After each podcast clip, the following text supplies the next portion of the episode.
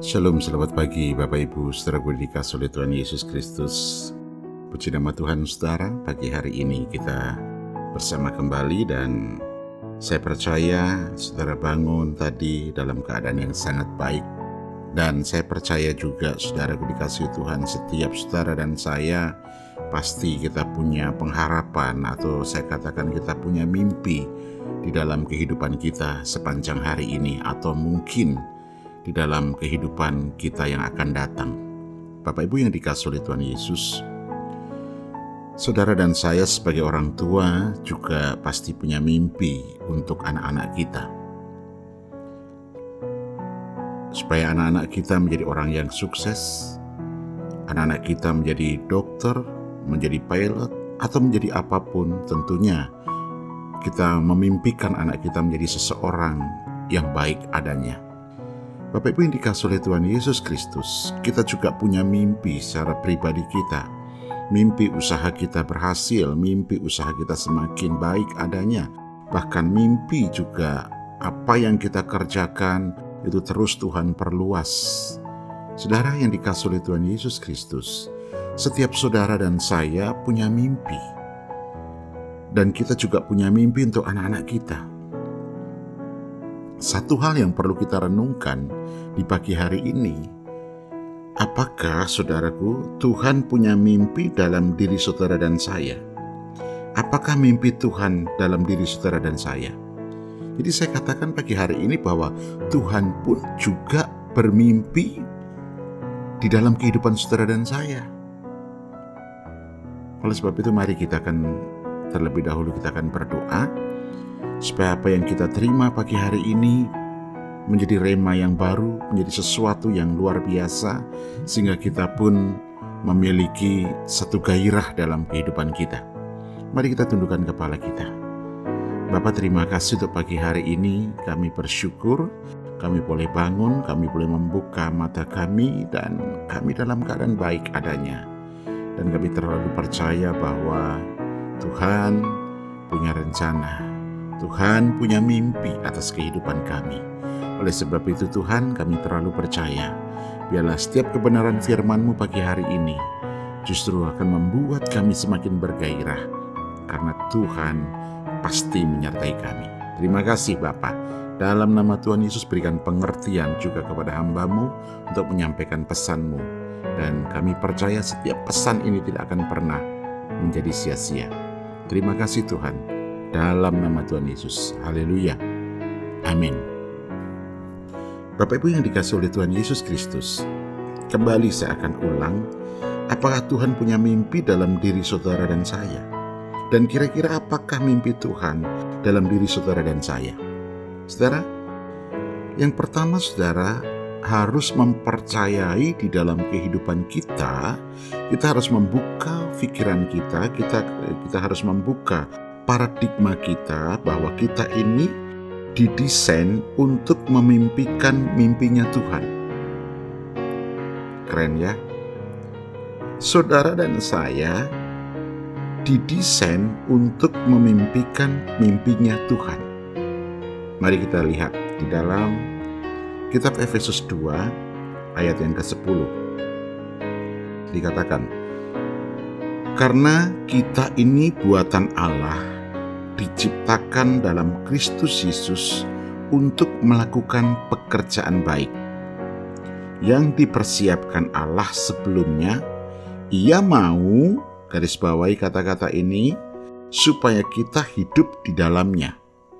Bapak Ibu yang dikasih oleh Tuhan Yesus Kristus, jadi sebelum saudara dan saya diciptakan, sebelum kita ada di muka bumi ini, dikatakan karena kita ini buatan Allah diciptakan dalam Kristus Yesus untuk melakukan pekerjaan baik.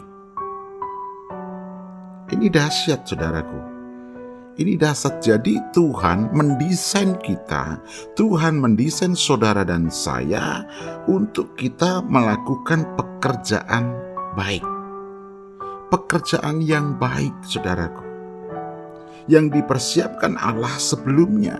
Jadi Allah itu sudah mendesain kita. Allah mendesain kita untuk memimpikan mimpinya Tuhan itu sendiri. Dan saya terlalu percaya Bapak Ibu dikasih Tuhan Yesus. Saudara dan saya tidak didesain untuk melakukan hal-hal yang jahat. Saudara dan saya tidak didesain untuk melakukan dosa. Tidak.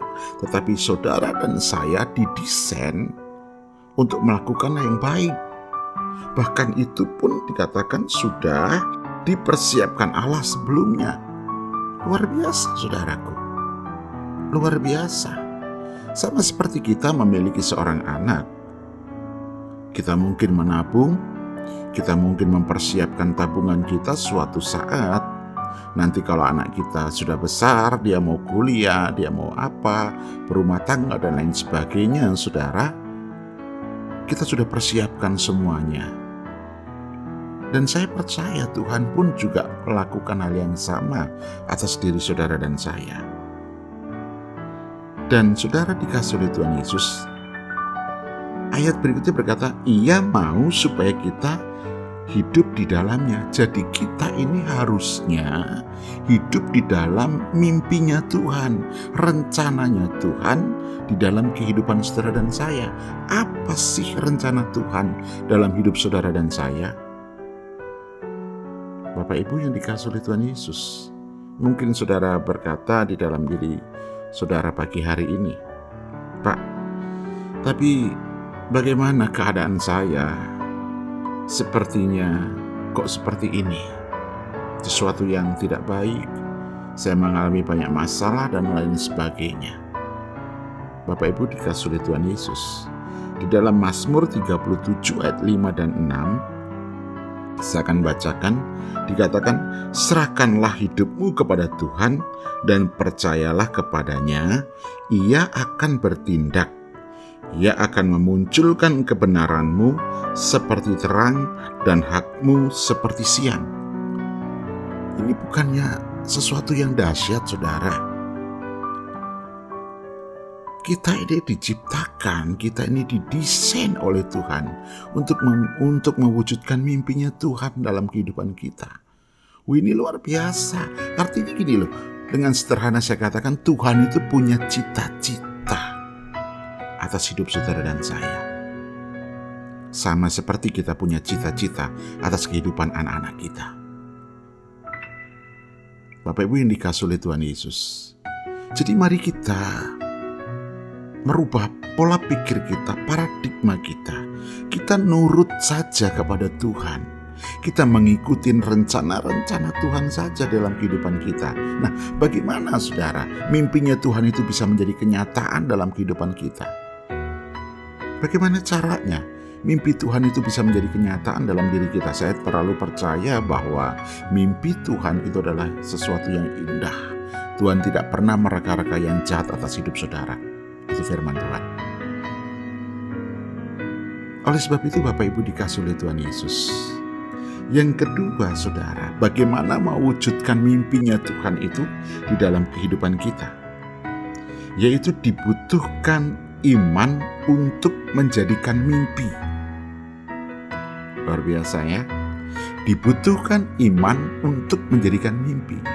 Misalnya begini, saudara memimpikan usaha saudara besar, proyek saudara besar tetapi kalau saudara tidak punya iman, nggak percaya, saudara nggak melakukan apa yang diperintahkan Tuhan, itu mustahil mimpi itu akan menjadi kenya, akan akan terjadi dalam hidup saudara. Tetapi ketika saudara taat, ketika saudara punya iman, saya terlalu percaya, mimpi itu bisa menjadi kenyataan. Bapak Ibu saudaraku dikasih oleh Tuhan Yesus, pada waktu saya masuk full timers di GPI Motherland 22 tahun yang lalu, saudara, saya hanyalah seorang teknisi AC. Dan saya diutus tentunya untuk menservis AC keliling dari cabang ranting yang ada. Nah, saudara, ketika pekerjaan saya selesai, saya ya dengan bercanda, saudara saya naik ke atas mimbar dan saya mulai berpura-pura menjadi pendeta. Saya berpura-pura khotbah, membacakan Alkitab ini dan itu. Saudara dikasih oleh Tuhan Yesus. Dan suatu ketika saya mimpi, saya ingin supaya saya betul-betul bisa berdiri di atas mimbar dengan saya katakan, suatu saat saya juga pasti bisa berdiri di atas mimbar ini. Dan puji Tuhan Bapak Ibu. Ketika saya punya iman bahwa saya dipanggil menjadi alatnya, itu terjadi. Oleh sebab itu saudaraku yang dikasih oleh Tuhan Yesus Kristus, mari kita lihat bahwa mimpi ya dibutuhkan iman untuk menjadikan mimpi. Jadi kalau saudara bermimpi, saudara punya rencana, punya angan-angan, Tuhan juga punya rencana di dalam hidup saudara. Mari kita butuhkan iman. Satu contoh saja kita akan membahas untuk poin yang kedua ini. Kita melihat di dalam kitab Ibrani 11 ayat 1 sampai 3 dikatakan iman adalah dasar dari segala sesuatu yang kita harapkan dan bukti dari segala sesuatu yang tidak kita lihat. Sebab oleh imanlah telah diberikan kesaksian kepada nenek moyang kita. Karena iman kita mengerti bahwa alam semesta telah dijadikan oleh firman Allah sehingga Perhatikan dengan baik ayat ini, sehingga apa yang kita lihat telah terjadi dari apa yang tidak dapat kita lihat. Bapak Ibu dikasih oleh Tuhan Yesus, mimpi itu belum kelihatan, belum nyata dalam diri kita. Tetapi mimpi itu akan menjadi nyata di dalam diri kita kalau itu disertai dengan iman kita. Ibrani 11 ayat yang ke-6 dan ayat yang ke-8 saya bacakan buat saudara.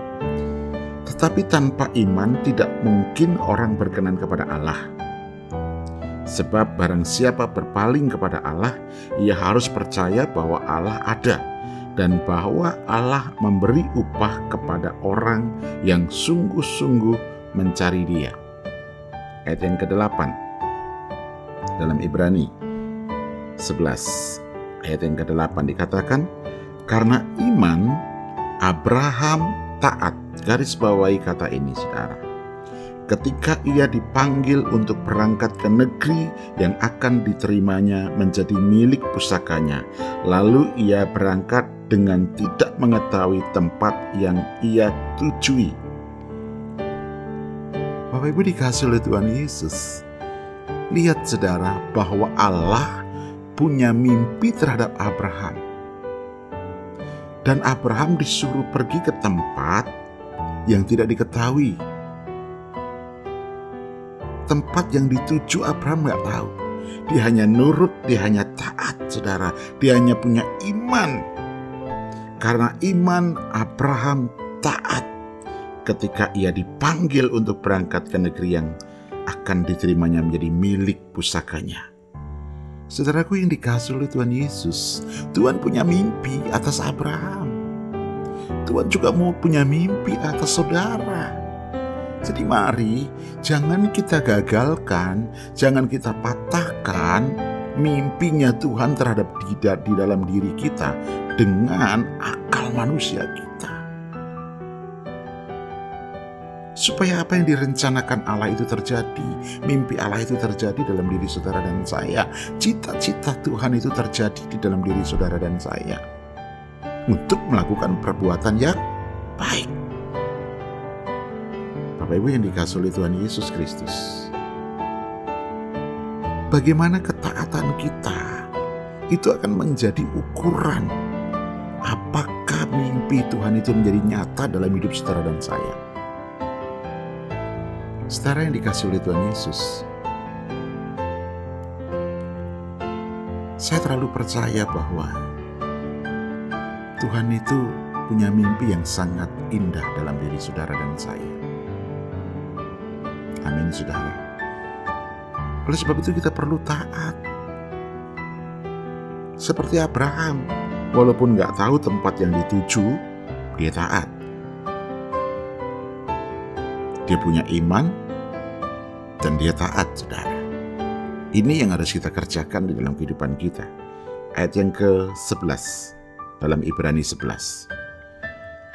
Saya akan bacakan buat saudara. Dikatakan begini, karena iman ia juga dan Sarah peroleh kekuatan untuk menurunkan anak cucu, walaupun usianya sudah lewat, karena ia menganggap dia yang memberikan janji itu setia. Bapak Ibu yang dikasih oleh Tuhan Yesus, saya bergairah pada pagi hari ini, saudara. Kalau Allah itu sudah berjanji, kita percaya bahwa kita ini buatan Allah, kita ini diciptakan dalam Kristus Yesus untuk melakukan pekerjaan yang baik yang dipersiapkan Allah sebelumnya. Ia mau supaya kita hidup di dalamnya. Jadi kita mau Allah itu kita mau hidup dalam rencananya. Bapak Ibu dikasih oleh Tuhan Yesus. Lihat apa yang dikatakan dalam Ibrani 11 ayat 11 saya akan ulang. Karena ia menganggap dia yang memberikan janji itu setia. Ini dahsyat saudara. Sekalipun gak masuk akal, karena Abraham sudah mati pucuk dan Sarah juga sudah tua, tentunya sudah menopause. Tetapi dia punya iman, saudara. Apa janji Allah pada waktu itu sih? Bahwa keturunan Abraham itu akan sebanyak seperti pasir di laut dan seperti bintang-bintang di langit. Tak terhitung, saudara. Mimpi Allah terhadap diri Abraham Demikian juga Abraham juga pengen uh, mimpi memiliki keturunan, saudara. Dan dia pegang janji Allah itu dengan setia. Bapak Ibu dikasih Tuhan Yesus, saya mau tanya hari ini. Kira-kira apa mimpi Tuhan dalam hidup saudara? Ketika Tuhan memanggil saya untuk menjadi hambanya, saya tinggalkan semua yang ada. Saya tinggalkan semua yang ada. Dan saya nggak ngerti apa itu pelayan Tuhan, apa itu hamba Tuhan. Saya nggak ngerti. Buat saya ketika saya dipanggil dan dia berkata, layani aku. Saat itu juga, saya berdoa dan saya minta dengan satu tanda kalau istri saya setuju, saya akan melangkah dan puji Tuhan. Tuhan terlebih dahulu juga berbicara kepada istri saya, saya terlalu percaya. Sehingga ketika saya sampaikan apa yang dimau Tuhan dalam hidup saya, saya lakukan. Saya nggak ngerti, sekalipun dalam perjalanan untuk menjadi hamba Tuhan itu, wow, luar biasa saudara. Sampai ludes habis semuanya tetapi saya terlalu percaya bahwa Allah sanggup mengembalikan apa yang terhilang. Bapak Ibu yang dikasih oleh Tuhan Yesus, mari. Kalau saudara dipanggil menjadi hamba Tuhan, dipanggil menjadi pelayan-pelayan Tuhan, layani Tuhan dengan segenap hatimu. Karena saudara dan saya didesain Sekali lagi, saudara dan saya didesain untuk memimpikan mimpinya Tuhan. Karena saudara dan saya diciptakan dalam Kristus Yesus untuk melakukan pekerjaan yang baik yang dipersiapkan Allah sebelumnya. Dan dia mau, Tuhan mau, saudara dan saya hidup di dalamnya. Artinya kita hidup dalam kebenaran firman Tuhan. Kita hidup dan lakukan firman Tuhan. Dan saya percaya desain Allah, mimpi Tuhan dalam hidup saudara dan saya pasti akan indah. Amin, saudaraku. Biarlah pagi hari ini mari kita renungkan. Mari kita renungkan. Apa sih mimpi Tuhan itu dalam hidupku? Saya percaya mungkin saudara diberikan kekayaan yang berlimpah-limpah apa tujuan Tuhan? Apakah hanya untuk sebuah gengsi kita naik? Atau kekayaan itu untuk menunjang pekerjaan Tuhan? Bapak Ibu dikasih oleh Tuhan Yesus, saya ajak saudara dan saya berdoa, Tuhan, mimpi Tuhan terhadap saya itu apa? Saya percaya ketika kita mencari tahu, Tuhan akan menjawab saudara dan saya. Tuhan Yesus memberkati kita semuanya. Mari kita tundukkan kepala kita. Bapa terpujilah namamu, Allah yang dahsyat, Allah yang luar biasa. Aku terlalu percaya bahwa kami didesain untuk memimpikan mimpinya Tuhan dalam hidup kami. Sehingga apa yang kami kerjakan selaras dengan kebenaran firman, maka segala sesuatunya akan menjadi berhasil. Terima kasih Tuhan. Biarlah mimpi itu kami raih karena kami juga punya iman seperti Abraham. Terima kasih Bapak buat firman pada pagi hari ini. Itu yang menguatkan iman kami dan kami akan berjalan selaras dengan kebenaran firman. Ampuni kami kalau kami menggunakan kekuatan kami, menggunakan pikiran kami untuk meraih masa depan dan untuk mempersiapkan setiap anak-anak kami. Tetapi aku percaya di balik semuanya itu Tuhan punya rencana yang besar. Tuhan punya mimpi di, di dalam kehidupan kami. Terima kasih Tuhan. Terima kasih. Terima kasih Bapa. Kami mengucap syukur. Dan apa pun yang kami kerjakan sepanjang hari ini, Tuhan pasti buat berhasil. Di dalam nama Tuhan Yesus. Saudaraku dikasih oleh Tuhan Yesus.